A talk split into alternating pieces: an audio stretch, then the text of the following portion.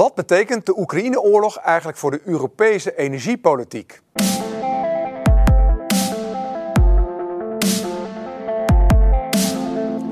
Welkom bij Wereldnieuws. Mijn naam is Nico Sloot en naast mij zit Twan Hoebe. Twan Hoebe is bedrijfsstratege en onderzoeksjournalist. En wij kijken naar de mondiale ontwikkelingen en wat heeft dat voor invloed op ons huishouden en onze portemonnee. Vandaag gaan we het hebben over de energiepolitiek uh, in, de, in de EU. Maar hadden we die eigenlijk al, Twan? Of is dat nieuw? Nee, die is al heel wat jaren oud, eh, Nico, die energiepolitiek. Eh. En er zijn de laatste jaren best wel flinke wijzigingen of aanpassingen, aanscherpingen in aangebracht. Mede in overleg met de Verenigde Staten. En dat is omdat we van de fossiele brandstoffen ook af willen, denk ja, ik, hè, Ja, zeker, zeker, zeker. Kijk, de Europese energiepolitiek is erop gericht dat we naar duurzaam gaan, dat we van fossiel afkomen. En uh, nou, er zijn een aantal uh, uh, initiatieven toegenomen. Heel belangrijk is de Europese Green Deal. Hè? Dat hele grote investeringsproject van bijna een biljoen, een triljard, hoe je het wil noemen, euro's. Om ehm, allerlei activiteiten, industriële activiteiten op te pakken, waardoor zonne-energie, windenergie, waterenergie meer op de voorgrond komen en we van het fossiele afkomen. Uh, die initiatieven zijn, uh, nou, uh, laat ik zeggen, vooral in de periode 2018-19 opgeschreven. En die lopen een beetje synchroon met de energiepolitiek die Amerika voert vanaf 2018-19, toen ze die enorme schaliegashoeveelheden ehm, in Amerikaanse bodem hebben ontdekt. En dat zijn gaan fracken. Fracking heet dat met een mooi woord. En zijn omgezet in LNG, wat ze nu graag willen exporteren. Maar moeten we dat een beetje uitleggen? Want schaliegas, uh, hoe wordt dat gewonnen? Is dat een mooi, uh, schoon uh, stukje gas wat we uit de aarde halen? Nee, schaliegas in een simpele vorm, probeer ik het uit te leggen, dat, dat bevindt zich, dat is gas wat zich tussen allerlei steenlagen bevindt. En die je vrij kan maken door onder hoge druk uh, chemische vloeistoffen, verhit, uh, verwarmd water met chemische vloeistoffen de bodem in te spuiten. Waardoor die, die gassen vrijkomen of worden, laat, laat, ik zeggen, worden opgewekt vanuit die bodem en weer naar boven komen. Onder invloed van grote hoge druk en veel chemicaliën. En het is eigenlijk een heel milieu-onvriendelijke manier van brandstofwinning. het is ook een fossiele brandstof overigens. Maar ja, veel landen hebben ontdekt dat ze behoorlijk wat dagen in de bodem hebben zitten. En die willen dat graag te gelden maken. Ja. En vervolgens gaat dat dan, hè, wordt het onder druk naar vloeibaar gemaakt. Dat is dan het LNG, hè? Liquid Natural Gas. Ja. Ja. Uh, maar dat gaat dan weer in een bootje, Twan. Hoe moeten we dat zien? Ja. Nou ja, eh, kijk, eh, dan gaan we even naar de techniek. Kijk, ik zou even terug willen naar de basis. Die e- energiepolitiek is gericht op van fossiel afkomen. En waar we het nu over hebben is dat LNG, wat nog steeds fossiel is en wat ook nog op een, een zeer milieu-onvriendelijke manier wordt gewonnen, op dit moment uh, heel erg hot is als vervanger voor een aantal uh, andere fossiele brandstoffen waar we vanaf willen. Dus de oplossing van we gaan van fossiel af, die zie ik niet zozeer in LNG. De techniek van hoe wordt die gewonnen, hebben we net kort over gehad. Hoe komt die hier met bootjes en weet ik wat allemaal, een apart verhaal. Maar dat is ook niet zo milieuvriendelijk natuurlijk als je het over zee moet gaan vervoeren. Nee, want schepen zijn over het algemeen niet erg milieuvriendelijk. Denk ik, hè? En uh, als je dan de afstanden neemt, dan uh, moet er nog wel wat gebeuren hè, om dat gas zeg maar, dan vanuit Amerika hier te krijgen. Ja, ja het kost natuurlijk wel heel wat meer uh, dieselbrandstof van zo'n bootje om die LNG naartoe te brengen. Dat ja. je een pijplijn onder de Noordzee hebt lopen waar het allemaal doorheen loopt. Ja. Wat heeft dan de, die oorlog, die Oekraïne-oorlog daarmee te maken? Wat voor invloed heeft dat? Nou, mooie vraag. Uh, ik, zie dat eigenlijk als een soort katalysator voor die uh, energiepolitiek. Want doordat die oorlog er is en de EU heeft besloten om Rusland te gaan boycotten en te voorkomen dat wij nog Russische olie en gas afnemen. komt daardoor het hele vervanging, de vervangingsvraag. Oké, okay, want we zijn een heel groot, voor een heel groot percentage afhankelijk geweest van Russische olie en gas. Dat vervalt nu door die Oekraïne-oorlog, met als argument van ja, we willen Rusland niet blijven sponsoren, moet je dus sneller over op die uh, alternatieve energiebronnen zoals uh, zonne-energie en windenergie. En voorlopig dan ook nog LNG, die helemaal niet zo milieuvriendelijk is, want dat wordt op dit moment ingezet als vervanger van het gas dat via die pipeline hier uh, Europa binnenkwam.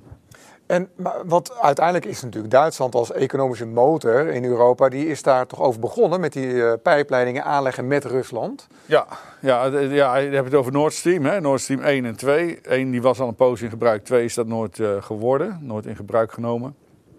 Dat zijn investeringsvehikels geweest van inderdaad hoofdzakelijk Duitsland en Rusland. Maar naar mijn weten is ook in Nord Stream 1 is nog een stuk Nederlands aanhouderschap verbonden geweest. Ehm, dus die hebben via die Nord Stream leidingen vanuit Rusland dat goedkope gas deze kant op gehaald. Uh, wat nu, uh, ja, zoals we weten, uh, verleden tijd is door die explosies daar. Ja, maar is het, als ik gewoon kijk naar wat er gebeurt, is er eigenlijk een enorme infrastructuur opgeblazen. En even los van of wij nou pro-Poetin zijn, tegen Poetin, voor of tegen Amerika, daar gaat het helemaal niet om. Hè. Dat heeft niks met complotten te maken. Maar als we puur gaan kijken naar de belangen, hè, van waarom gebeurt dit? Duitsland heeft eigenlijk een mooie gasleiding voor, de, voor zijn economie. Uh, wij hadden ons eigen gas natuurlijk hè, in, in Groningen. Mhm. En vervolgens uh, wordt het opgeblazen, is het stil in de media. Dat vind ik heel vreemd, want er is hier natuurlijk een stuk infrastructuur van Europa weg. Vernietigd. Vernietigd. Ja, ja, ja dat is uh, uiterst kwalijk natuurlijk. Dat is, dat is eigenlijk, daar, kun je, daar, daar schieten woorden tekort, wat mij betreft. Even, even los van um, of je wel of niet voor iemand of tegen iemand bent. Op het moment dat je essentiële infrastructuur uh, vernietigt, even los van de vraag wie dat op zich geweten heeft, dan brengt dat grote schade toe aan in dit geval Europa. En vooral aan de Duitse economie, want de Duitse economie is uh, de uh, economie die het sterkst afhankelijk is van energie überhaupt. Het is een industriële natie, Duitsland. Met zijn ja, nog veel maakindustrie ook, hè? Ja, veel productie, ja, auto's. auto's. Hè? Ja. ja, maar ja, inderdaad. En veel, veel groot metaal. Duitsland is echt een industrieel productieland geweest. En die, die krijgt gigantische klappen nu.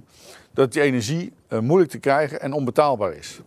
En dat heeft te maken met het vernielen van de infrastructuur. Het is bijna hetzelfde als dat je spoorlijnen en wegen op gaat blazen in Nederland. Waardoor er geen vrachtverkeer meer uh, van noord naar zuid kan. Ja. En er geen, geen levensmiddelen meer getransporteerd worden. Dat is gewoon, uh, ja, woorden schieten tekort. En, en, en, ik kijk dan even naar Nederland. Hè. Wij zijn een exportland. Nou, iedereen weet denk ik wel dat wij altijd een beetje het broertje of zusje zijn van Duitsland. Hè. Als het Duitsland goed gaat, gaat het meestal met ons ook goed. Maar waarschijnlijk dan omgekeerd ook, Twan, of niet? Nee, dat klopt wat je zegt. Kijk, uh, in het verleden, voordat we de euro hadden, was de Nederlandse gulden al aan de Duitse markt ge gekoppeld. Omdat we zoveel met elkaar doen. Duitsland is voor ons het grootste exportland, voor Nederland. Dus op het moment dat die Duitse economie uh, afremt of tot stilstand komt, en er zijn echt alarmerende berichten over die Duitse industrie nu uh, te vinden, als je dat wil. Niet op de voorpagina's uiteraard, maar wel in vakbladen. Dan weet je dat Duitse economie terugval, dat betekent ook Nederlandse economie terugval. Want wij leveren een heleboel spullen aan Duitsland. Wij leveren onder andere halffabrikaten aan de Duitse grootmetaal. Ja. Even terug hè, naar uh, wat jij zegt over, we hebben het over energiepolitiek. We willen van die fossiele brandstoffen, af. Uh, brandstoffen af. Hè. We hebben het dan alsmaar in Europa over de SDG's. Ja. Sustainable hè, Development Goals. Ja, ja. Die zijn vastgelegd, want we willen heel, veel, heel graag iets doen aan het klimaat. Ja. Als je dan ziet wat er nu gebeurt, wat jij net vertelt over dat LNG, schaliegas uit... Dat staat toch volledig haaks op elkaar? Ja, ja dat is, daar wordt, wordt veel te weinig aandacht aan besteed aan, aan dat verhaal. Kijk, het is op het moment dat je van de ene energievorm, fossiel, naar uh, duurzaam wil, dat is op zich, vind ik prima, niks mis mee. Maar dan moet je een uh, soort uh, overgangsfase inbouwen. want je kunt niet van de ene dag op de ene van. Er is, er is onvoldoende duurzame energie beschikbaar in Europa om al die fossiele brandstoffen even op te vangen. De gedachte is deels dat dat dan maar LNG moet zijn, want dat is een, een relatief schone brandstof. Alleen de manier waarop die wordt gewonnen, die fracking-industrie is absoluut niet eh, duurzaam, het is ook niet milieuvriendelijk. En daar hoor je niks over in de, in de pers. En dat vind ik uh, ja, merkwaardig, net zoals jij. Nou ja, het is eigenlijk verbijsterend hè, dat je aan de ene kant eigenlijk al zegt van we willen van fossiele brandstof af. We hebben eigenlijk de meest uh, schone fossiele brandstof is eigenlijk gas. Dat hadden we dan in een vorm uit Groningen en uit Rusland, op een hele, uh, nou eigenlijk op de minst schadelijke manier. Ja. En vervolgens blazen we de boel op en nu gaan we de, de, helemaal de andere kant op, terwijl we roepen dat we STG's hebben. ik, ik, ik kan het niet volgen, zeg maar. Nee, nee, nee. Nee, dat is, ook, dat is, dat is gewoon niet uit te leggen, behalve vanuit een economisch perspectief. Kijk, uh, er zijn bepaalde landen, het is niet alleen Amerika. Amerika is wel een grote speler. Ook no Noorwegen, die hebben onlangs ontdekt, ook Oekraïne trouwens. Hè. 2013 hebben ze daar, Shell daar fantastische uh, in de Donbass uh, schaliegasvelden ontdekt. Die ze graag hadden willen ontginnen. Uh, als uh, methode om LNG-gas te winnen, wat een relatief schone brandstof is, maar nogmaals, die methode van, uh, van winnen is niet erg vriendelijk. Dat staat haaks op die SDG-doelstellingen die door de Verenigde Naties zijn geformuleerd voor het jaar 2030. Daar kun je alleen maar een verklaring aan geven van waarom gebeurt dat nu vanuit economisch perspectief. Want uh, het, het, het, staat haaks op die uh, VN-doelstellingen, maar het dient wel uh, de economie van Amerika, van Noorwegen. Het zou Oekraïne hebben kunnen dienen als ze niet in oorlog waren met Rusland. Die waren lekker met Shell en met andere partijen in gang gegaan om daar schaliegas te winnen. Dan hadden ze dat kunnen doen. Ja. Maar het heeft niks te maken met, uh, met, met, milieu, met milieuvriendelijkheid dit. Helemaal niet. Het heeft met geld te maken. Ja, en tegelijkertijd, hè, als we het milieu nog even loslaten, dan, dan heeft eigenlijk deze impact is zo groot. Want als we kijken naar ons gewoon, wat wij nu betalen aan, aan uh, energie, aan gas met name ook. Terwijl we zelf heel veel gasreserves in, in Groningen hebben. Hè, even los van de, de aardbevingen. Maar er zijn ook gasvelden in de Noordzee. Uh, en we exporteren bovendien datgene wat we hebben ook nog eens keer naar het buitenland goedkoper dan naar onze eigen huishoudens. Mm. Hoe moet een, een, gemiddelde Nederlandse burger daar nou tegen aankijken, Twan? Nou, ik kan me voorstellen dat die gemiddelde Nederlandse burger, en uh, daar hoor ik meestal ook wel toe, dat die denkt van ik snap het niet, want uh, we krijgen geen gas meer uit Rusland door Oekraïne, door energiepolitiek van de EU. we hebben zelf gas. Nou, de discussie Groningen gasveld, die kent ook iedereen. Daar is zoveel schade aan de lokale bevolking aangericht, dat, dat willen we ook niet op ons geweten hebben. Dus uh, dat die, dat die uh, winning afneemt is begrijpelijk, is ook wenselijk.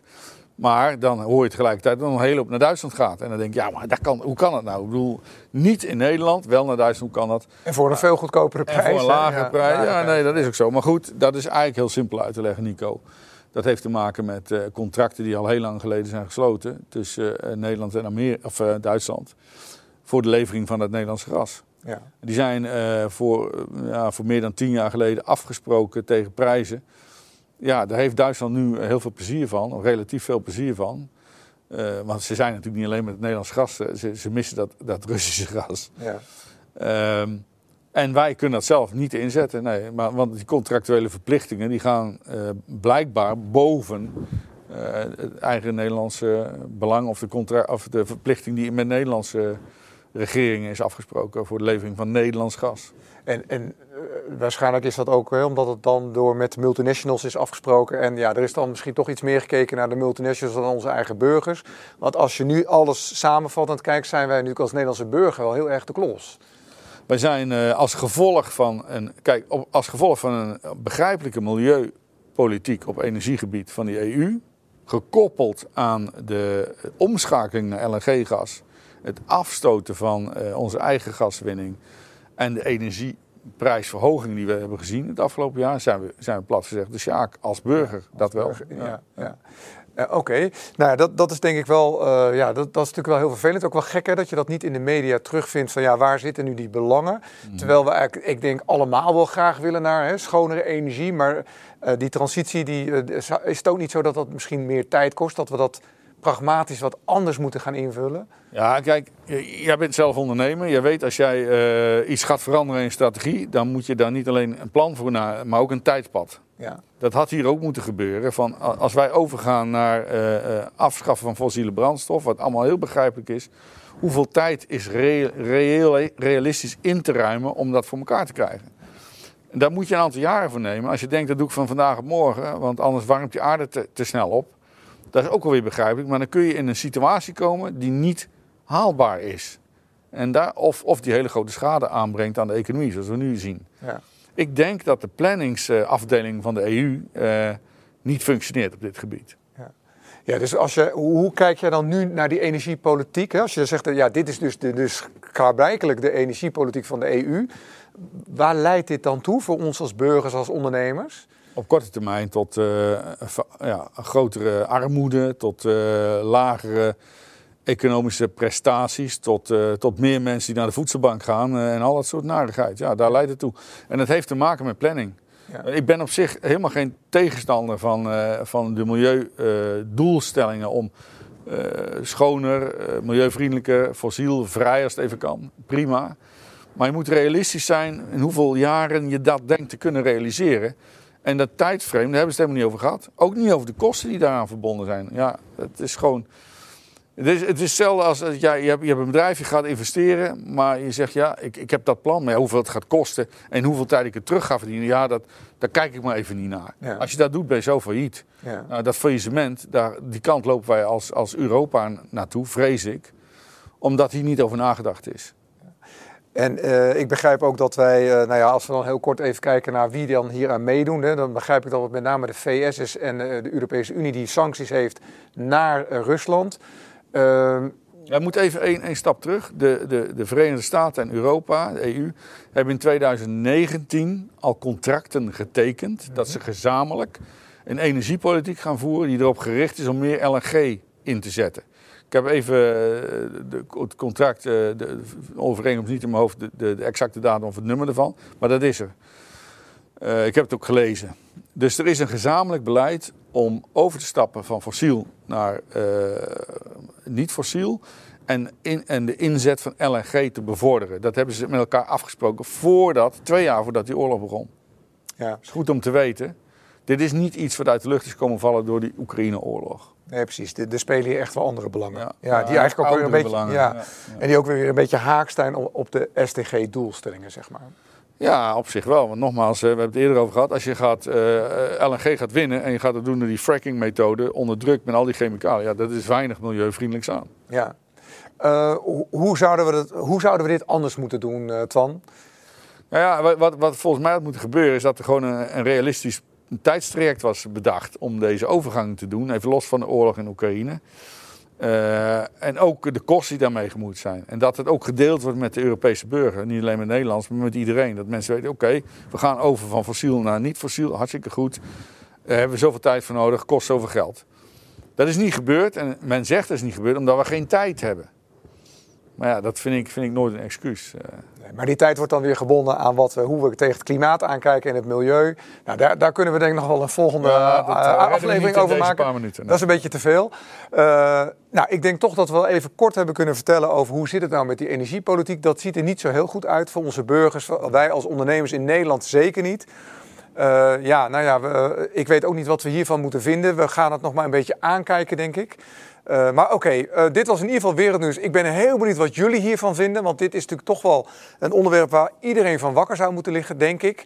Eh, geef het aan in de comments. Laat weten in welk onderwerp je erg belangrijk vindt.